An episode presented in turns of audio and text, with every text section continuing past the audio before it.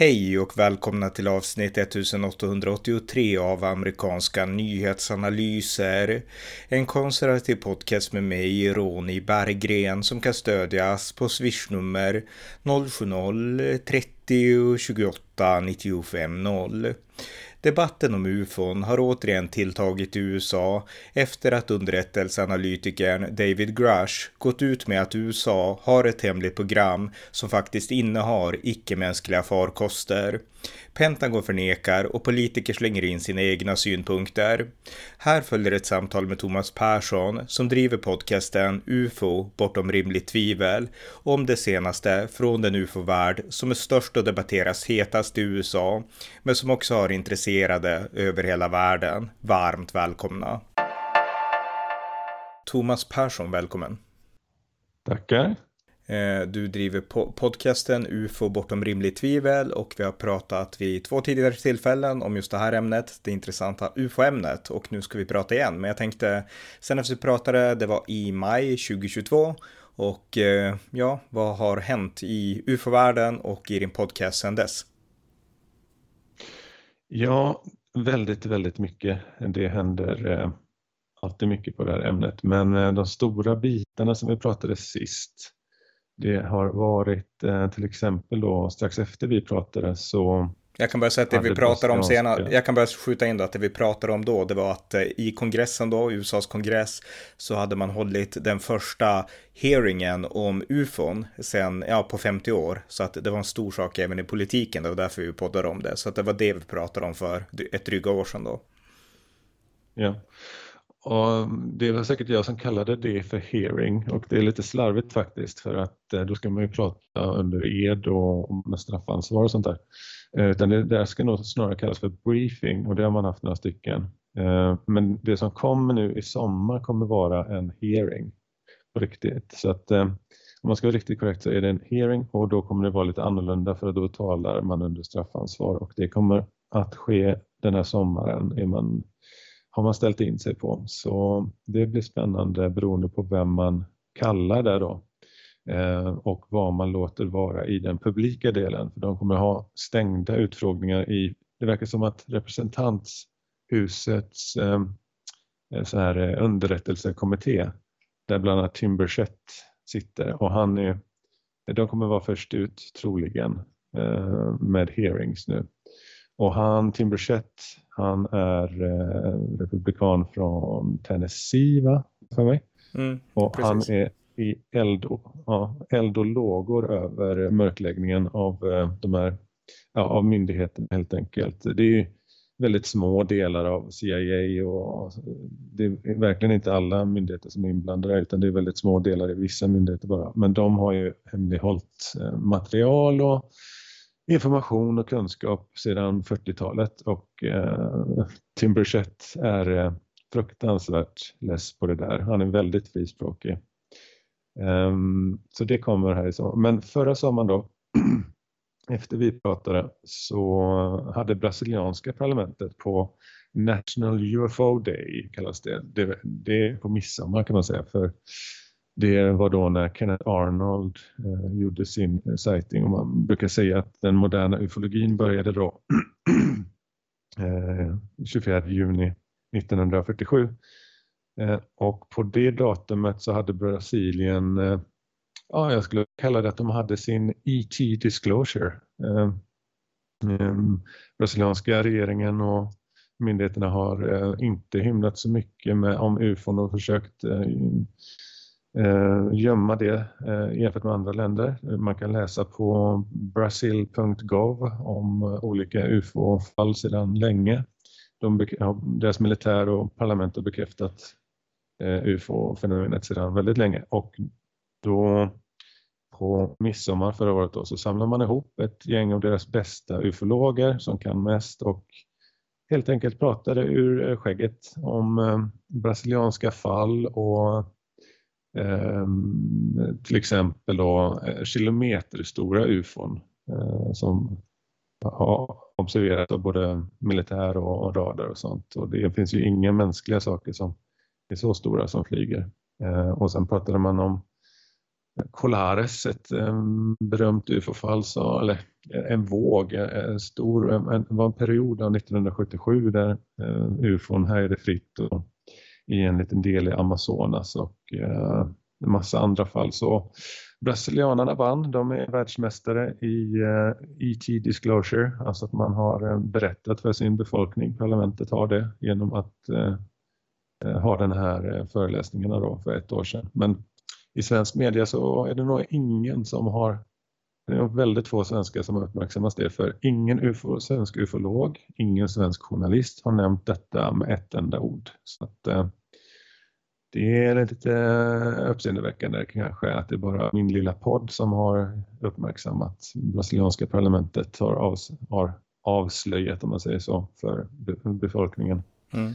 Jag kan då bara för, för varudeklarationens skull då förklara att eh, du anser, din podd heter ju alltså UFO bortom rimligt tvivel och du anser då att man mm. kan fastslå att det finns eh, utomjordiska, ja, utomjordisk aktivitet bortom rimligt tvivel, det är därför ni har poddnamnet. Jag själv mm. är skeptisk på ett helt annat sätt, jag betraktar egentligen UFO-fenomenet i grunden som en modern form av astrologi istället för astronomi. Så att det är min inställning, så att vi har lite så här uh, Mulder och Scully förhållande du och jag till det här. Så att uh, mitt, ja. min ingång ingång i det här ämnet och jag har sagt det i varje podd som jag poddat med dig, det är att jag är intresserad av det här för att det här är, jag menar, du har helt rätt om svensk media, det skrivs inte om det här, men jag är ju intresserad av amerikansk politik, min podcast heter amerikanska mm. nyhetsanalyser och i USA så är det här ett ämne, det går liksom inte att komma ifrån. Och det är inte bara då fringe media, det är inte bara så här konstig konspiratorisk media. Jag lyssnade på en, en timmes podcast om just det här ämnet från New York Times eh, tidigare idag. Så att eh, det här är ett ämne som det pratas om, ufon och eh, hela den här liksom rörelsen och även fenomen och saker man iakttar. Det pratas om det i amerikansk media, så att det är det som är mitt stora intresse här. Så att jag tycker man måste ta, man må, oavsett vad man tror eller vad man tror sig tro, så måste man om man är bara intresserad av nyheter ta det på allvar. Därför att i USA så är det här en stor sak. Så är man intresserad av USA, amerikansk politik, amerikanska nyheter så kan man inte ignorera det här, anser jag då. Nej, eh, det är bra. Nej, det, det, här är ett känsligt ämne för många. Det är, eh, är man inte insatt så vet man inte riktigt vad som är ut och in och sådär, för det förstår jag. Och, eh, men det kommer ju garanterat, det kommer att hända saker framåt. Där, innan det här året är slut så har det hänt många stora saker i, i USA. Men det kan vi komma till. Eh, men så är det, vad är det i Brasilien i alla fall. Och apropå mitt poddnamn, jag funderar på vad jag ska fråga min poddkollega. Egentligen skulle jag vilja byta namn på den till ETs bortom rimligt tvivel eftersom jag då, mina initialer heter Erik Thomas Persson så jag brukar kalla sig ET eller ET. Så ETs bortom rimligt tvivel funderar på. På tal om astrologi, tror du, att det var, tror att det var rymdödet som gjorde det?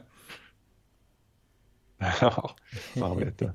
ja. Uh, nej, men det är lite roligt att heta E.T. Person mm. när man sysslar med det här. Um, ja, det har kommit två jättebra dokumentärer som jag varmt kan rekommendera som är, ja, det är bland de bästa fallen som finns. Då. Dels så finns det en som heter Aerial Phenomenon som kom efter vi pratade sist tror jag. Och den handlar om ett av de bästa fallen från 94 i, Bras i, ehm, i Zimbabwe, Aerial School ett par ufon, tefat, flygande tefat landar utanför en skola och det bevittnas av flera hundra personer. Och sen så har man då plockat ut 60 barn, för många barn var för små för att blandas in. Men i alla fall över 60 barn som eh, intervjuas om vad de såg. Och då är det även närkontakt med varelser där som är, eh, ja de här barnens vittnesmål kan jag säga som, som före detta mordutredare att de är extremt trovärdiga det kan alla människor se att de är otroligt trovärdiga. De spelas in då, de första intervjuerna spelas in bara ett par dagar efter och de intervjuas ett, eh, ett tag efter av en professor i eh, psykologi, psykiatri, John Mack från Harvard, en Harvard-professor i psykiatri som dessutom är utbildad på eh, att prata med barn om, eh, och, och vuxna om, om skillnaden mellan dröm och verklighet och sådana saker. Så att eh, bevisvärdet i det målet är eh, otroligt högt eftersom barnens olika berättelser styrker varandra och det finns inget som tyder på att det, det finns helt enkelt ingen bra alternativ förklaring alls utan det, det, är, det fallet är långt bortom rimligt tvivel att det barnen säger faktiskt hände. Och det var inte bara barn, det var några vuxna som också såg.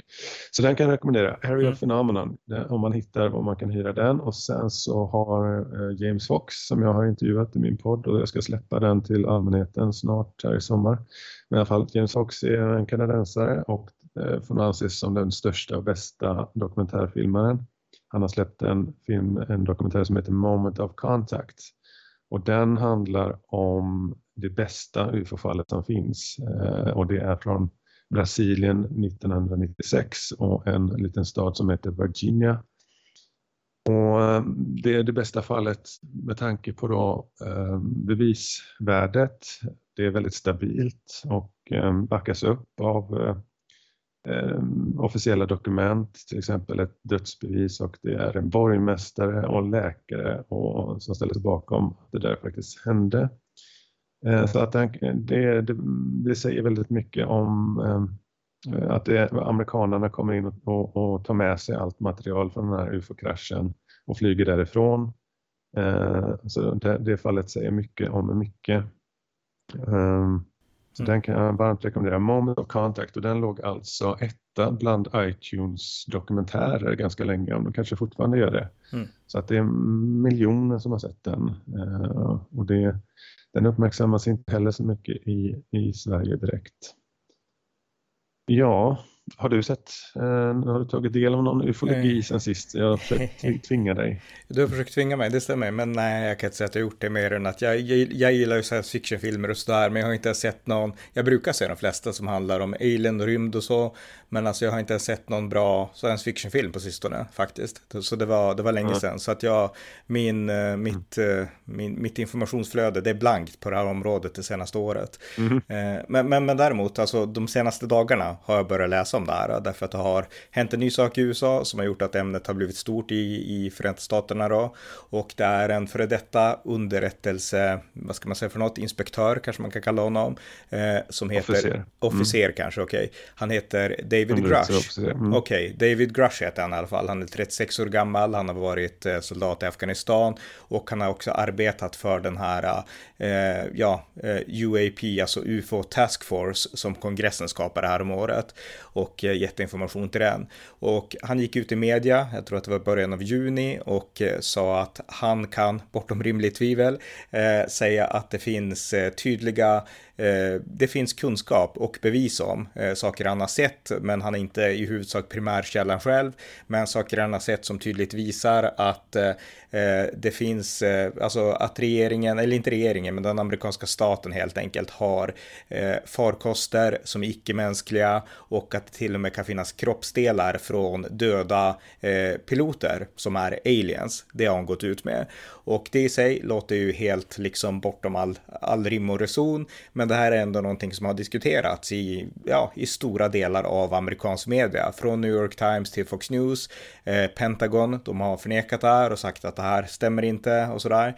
Men han har ändå blivit uppbackad av en del andra och eh, han är den stora snackisen i liksom amerikansk media eh, och har varit det de senaste dagarna faktiskt. Ja, och vi pratade om det, vi, pr vi har pratat om detta, det är tredje gången, en gång om året ungefär och första gången vi pratade så snackade vi om UAP Task Force som startades 2020 eh, där av Marco Rubio. Mm. Och, och, och då, då var ju det så att Grush var en av dem som höll på att ehm, eh, eh, slutföra det uppdraget eh, som den lagen eh, syftade på och det han fick eh, fram då, eh, det var ju det som har kommit fram nu då, att han eh, för National Geospatial Agency han har varit högst rankad och han har haft högst ranking som underrättelseofficer som GS-15 och det motsvarar på, i det militära motsvarar det general. Så att han har varit högsta högsta nivån inom eh, IC, Intelligence Community, alltså alla de här CIA, DIA, NSA eh, och de här eh, myndigheterna. Där han har haft högsta ranking och eh, då fått uppdrag av UP Task Force att eh, granska vad det finns för hemliga program om UFON och så kallade crash retrievals. Alltså där man har samlat in då kraschade UFON. För det om man tittar på den filmen jag just nämnde, Moment of Contact, så är det, det är ett av fallen eh, som, som, som de har material från. Um, och Grush då, han har varit på NRO, National Reconnaissance Office. Det är liksom eh, underrättelsetjänstens eh, NASA kan man säga. Det är de som skjuter upp spionsatelliter och sånt där. Och eh, eh, NGA då, National Geospatial Intelligence Agency, det är de som har hand om alla spiondata från spionsatelliterna. Det är de som har eh, tillgång till, jag vet inte hur mycket eh, data de har varje dygn från satelliter, men de har ju fullständig koll på vad som åker in och ur eh, omloppsbanor och ner på jorden så att de eh, har ju garanterat hur mycket information som helst om UFOn. Och Ehm, så han fick reda på vilka de här hemliga programmen är och så fick han ta del av information från dem och bildbevis och dokumentbevis eh, och har lämnat in det till kongressen och eh, han kommer väl han är, kommer garanterat bli utfrågad då i de här hearingsen som kommer. Ehm, det finns även ytterligare eh, vittnen på väg och det kan när som helst komma ut en tvåstjärnig general eh, som eh, samma typ av eh, visselblåsare då. Eh, Grush Se gärna på hans intervju går att få tag i, man kan se hela en timme lång eller 40 minuter. Och han säger väldigt mycket om mycket saker. Bland annat så poängterar han ju då eh, desinformationen som har skett från eh, myndighetshåll mot amerikanska befolkningen på det här ämnet. Och det är ju det som gör att folk inte Eh, ta det här riktigt på allvar. För att vi, det har pågått en desinformationskampanj sedan 40-talet i hela världen om att det här inte är på riktigt och att det bara är science fiction och det är bara knäppskallar som ser ufon och sånt där. Det har ju bara varit eh, en propagandakampanj och, och eh, framgångsrik propaganda eftersom både du och jag eh, inte har tagit det här på allvar fram tills jag gör det nu då de senaste åren. Men jag menar om du frågade mig för tio år sedan om ufon så skulle jag bara avfärda det direkt. Och det är ju på grund av den här framgångsrika propagandan att man ovetandes personer sprider att ufon inte är på riktigt eh, utan att vara medvetna om att det faktiskt grundar sig i eh, propaganda. Och det är en eh, bit som kommer att behövas grävas upp sen i framtiden om hur det här går till. Jag skulle vilja mm. skjuta in en sak innan du fortsätter. För det här var någonting de tog upp på New York Times i den här podden med Ezra Klein som jag lyssnade på. Mm. Och det var just det att det här blir så polariserat när man pratar om det här ämnet. Och man behöver inte tro A eller B. Som sagt, jag menar jag har inte din syn på det här ämnet. Men, men alltså, vi måste kunna debattera det här liksom lite mer öppet och utan att liksom, för det är ett mm. stort ämne. Det, det, är liksom i USA så, det finns en seriös debatt om det här i USA och det går inte att förneka det liksom. Så att, eh, ja, jag tycker man ska, man ska liksom inte bara lägga locket på, utan den här debatten finns oavsett sanningen i anspråken, till exempel när det gäller David Grush. Jag skulle vilja, jag menar, jag kan spela lite djävulens advokat om en stund, men, men, men liksom, eh, ja, oavsett så är det ju här en debatt som måste tas på allvar. Så att jag menar, att tysta ner och att lägga locket på det är fel väg, oavsett vad man sen liksom, vilket ställningstagande man än tar personligen. Mm, precis, jo, nej men jag har väl sagt det här sedan vi poddade första gången för två år sedan att eh, det är inte så att jag sitter här och gissar eller eh, kan vara fel ute om att eh, ufon är på riktigt och sånt. Då hade jag ju granskat de bevisen. Jag är ju ändå före detta mordutredare och eh, jag kan eh, bevisvärdering bättre än de flesta i ufo-branschen skulle jag vilja påstå. För det är inte många, det är mest glada amatörer och jag har rätt mycket nytta av min bakgrund som mordutredare när man ska bedöma hur långt bevisningen Eh, räcker. Men det är ju så här att eh, vi människor, vi behöver goda skäl helt enkelt. Eh, det bästa man kan göra, man behöver inte vara mordutredare, men bara man har grunderna i, i, eh, e-, epistem, alltså i, ehm, i kunskapsteorin, eh, filosofins bas, liksom, om man säger så, att hur man vad, vad, vad, ehm, vad som konstituerar ett argument och vad, vilka argument som håller och sånt här. Alltså premisser och slutsatser. Kan man det liksom vad som krävs för att eh, komma fram till saker så, så, så kan, man, kan man sålla rätt mycket enkelt på det här ämnet helt enkelt. Och eh, vi behöver goda skäl för att tro på någonting. Om man har, för att ha kunskap så måste det man Eh, det, det, man tror på måste vara sant och du måste ha goda skäl för att tro att det är sant. Eh, då har man kunskap enligt eh, Platons klassiska definition av kunskap. Och då behöver man liksom en god metod för att komma fram till vad som är goda skäl, alltså vad som är bra bevisning.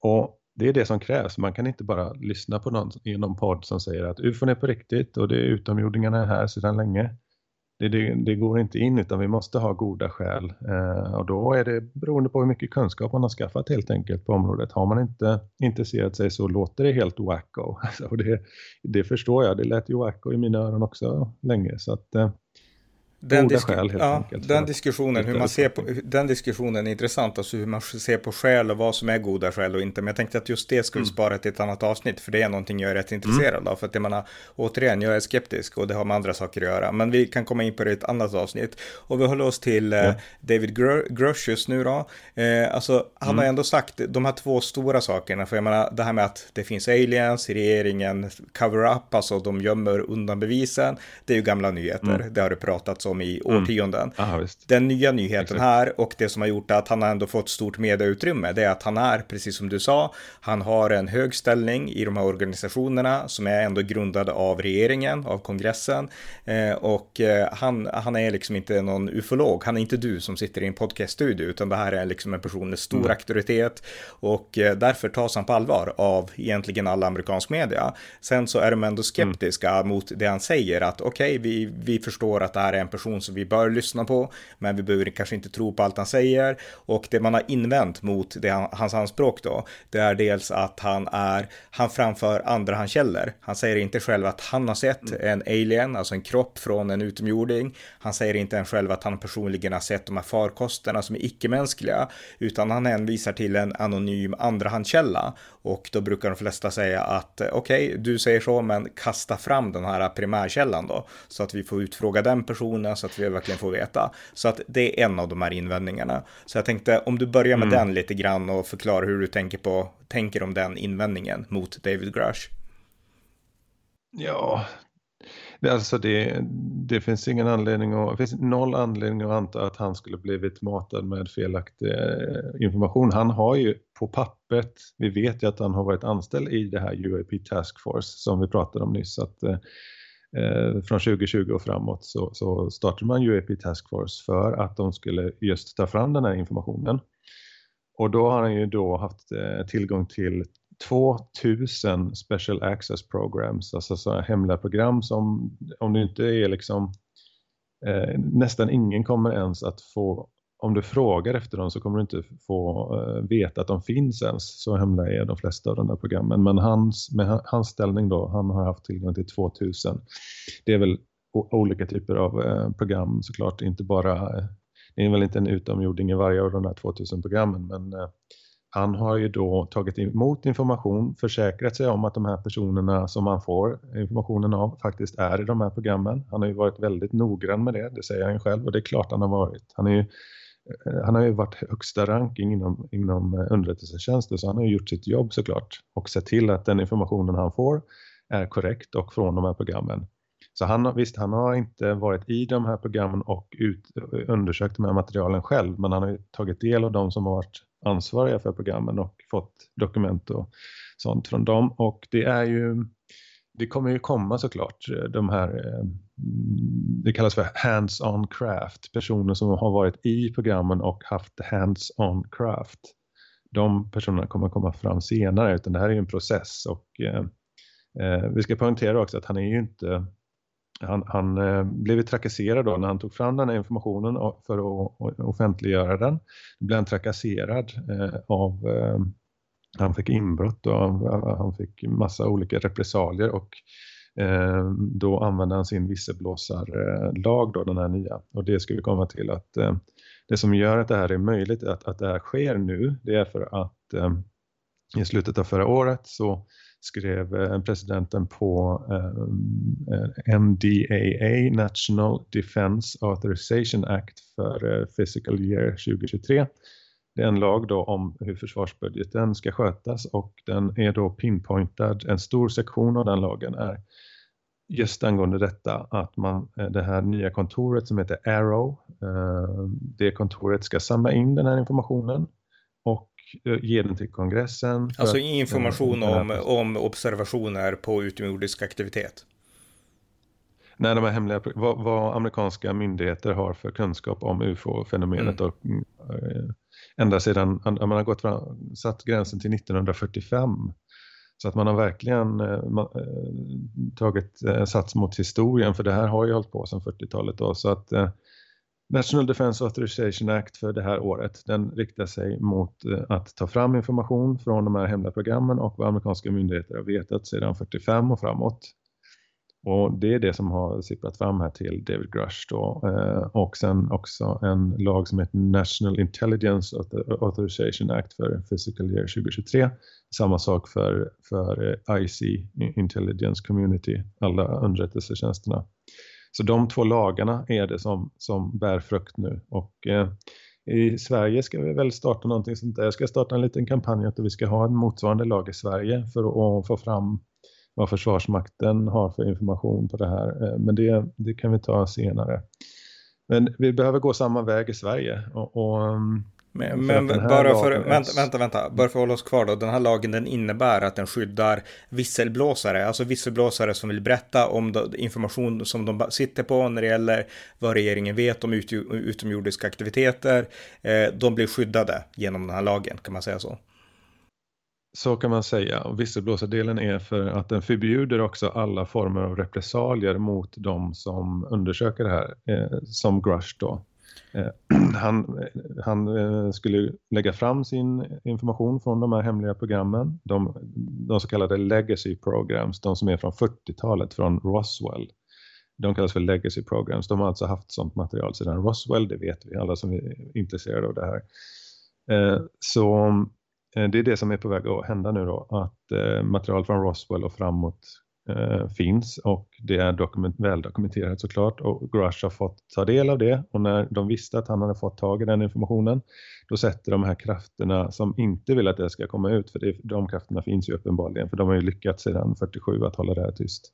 De har gett sig på Grush eh, med repressalier och hot och liknande och då har han enligt den här lagen också skydd att det är förbjudet att trakassera någon som försöker ta fram den här informationen. Mm. Så han är en visselblåsare på det sättet. Okej, okay, och att han kommer fram nu då, det beror på att det är nu som skyddet finns, att gå ut på ett öppet sätt. Mm. Okej. Okay. Ja, den här lagen är ju ny för i år. En, en sån här lag har aldrig funnits tidigare, så det är den som gör skillnaden. Mm. Um, och vi vet vilka som ligger bakom den lagen. Det är ju Luis Elizondo som vi har pratat om tidigare som har drivit den här frågan väldigt, väldigt som en jävla chef har han flyttat bollen på det här området. Uh, och nu jobbar han bakom uh, ridåerna så att säga uh, i bakgrunden och den här lagen är ju hans jobb och Eh, senator Gillibrand eh, från New York som har mm. Hillary Clintons, hon har ärvt Hillary Clintons stol i senaten. Um, Kirsten, Kirsten Gillibrand, hon ställde upp i primärvalet mm. för Demokraterna 2020 också. Mm. Mm. Mm. Jurist, eh, före detta åklagare och jävligt vass måste jag säga. Hon verkar bra som fan.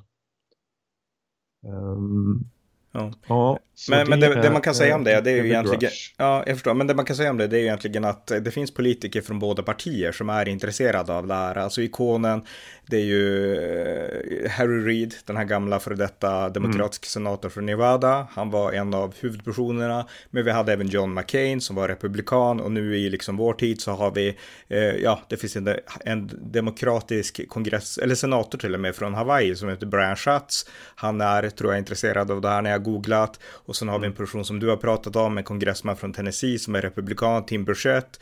Och eh, och eh, vi har också Josh Hawley, eh, republikansk senator. Och eh, han sa ju när eh, David Grush kom ut med den här informationen så sa han att det här är, ja, det här är ungefär det jag också hört i våra liksom enskilda briefings. Så att han på något sätt backade mm. upp det här lite grann och man har diskuterat hur mycket liksom, ja, hur, hur, hur, långt ska man dra George Hawleys uttalande egentligen? Det har också varit ett, ett ämne för diskussion, men det finns alltså ett intresse för det här från båda politiska partier, vill jag mest betona. Vad har han gjort för, vilket uttalande är det? Jag minns inte. Han sa, Josh Hawley då, senatorn då, republikansk senator, när uppgifterna kom om David Grush och det vi har pratat om nu, då sa Josh Hawley någonting i stil med att det som vi nu har fått veta att David Gr av David Grush, det är ungefär, det, det är liksom ungefär i enlighet med de briefingar jag själv har fått. Och eftersom David Grush då kommer så häpnadsväckande uttalanden, inte bara om att vi vet något och vi kanske har dolt någonting, utan det finns e-, enligt hans föreställningsvärld och bevis för både kroppar från aliens och rymdfarkoster om man säger så, eh, eller icke-mänskliga farkoster, så då vart det ju extra liksom, okej, okay, Josh Hawley backar upp det där, liksom var det bara ett hastigt uttalande ja. eller liksom hur seriöst ska man ta Josh Hawleys uppbackning av David Grosh? Det är typ mm. det som har diskuterats. Okay. Att, ja, det ja. finns eh, en lång rad med eh, personer eh, i representanthuset och senaten som har engagerat sig. Det är framförallt om man ser till de som sitter i, i senatens och representanthusets olika underrättelse- och säkerhetskommittéer. De har väl en var där va? Det är de personerna som, som främst kommer att inverka på att det blir hearings och briefings och det är de som är insatta, det är de som får tillgång till den hemliga informationen också. Mm. Jag tror inte att eh, det är helt annorlunda vilken, eh, vem, vilken kongressledamot du frågar beroende på vilken, eh, vilka kommittéer de sitter i. Vilken, det bestämmer vilka de har, vilka hemliga program och information de har tillgång till helt enkelt. Så det är mycket det som avgör. Men eh, det finns många som är från båda sidor då och det som framåt här då så blir det ju väldigt intressant i primärvalen och sen i president, nästa presidentval eh, hur den här frågan eh, hamnar helt enkelt. Om det är en fråga som får mycket uppmärksamhet, den kommer enligt, enligt bra källor så kommer den här frågan att tas upp i åtminstone primär, ja, primärvalen eller presidentvalen. Det är ju svårt att säga om det men troligen så kommer den här frågan vara eh, en, en het potatis. Och den eh, kandidat som inte kan hantera den här frågan kommer nog och, och, och det här är väldigt bra att de kommer att förlora på att om de inte om de inte kan hantera den här frågan, om de inte har information eller inte tror på information eller någonting, de kommer göra bort sig troligen och de som kan den här frågan och driver den kommer troligen gå, gå med plus. Och det är ju väldigt avgörande. Ifall någon då eh, presidentkandidat plockar poäng på att kunna och vara intresserad av den här frågan, då kommer det göra jättestor skillnad. Då kommer ju nästa president vara den som säger att eh, utomjordingarna är här, vilket vi är rätt många som har vetat rätt länge. Men eh, det, det, det, verkar som, det finns något som kallas för eh, the truth embargo som Steve Bassett brukar kalla det och eh, det är helt enkelt så att just nu det finns inte mandat för någon att eh, eh om du är nära myndigheterna eller har varit eh, nära myndigheterna som Grush till exempel. Han är ju inte längre i, det var det jag skulle säga, han är inte längre i myndigheterna. Han, på, de, på grund av de här trakasserierna så sa han upp sig och är nu mäklare istället så att han är inte en officiell källa. Det ska man komma ihåg utan han är före detta officiell källa. källa. Vad det nu spelar för roll, det spelar ingen roll egentligen. Men, men men det är ändå ett steg. Det, det, det, är medvetet det här att han kan inte påstås vara en officiell källa och då blir det lättare att han, han får tillstånd då att komma ut och berätta om det här. Um, nu tappar jag tråden lite men, mm. men uh, i alla fall så han i och med att han har den här informationen, han är inte längre en officiell källa så går man runt lite här att han inte faktiskt är eh, sittande myndighetsanställd. Men mm. det kommer ju komma såklart.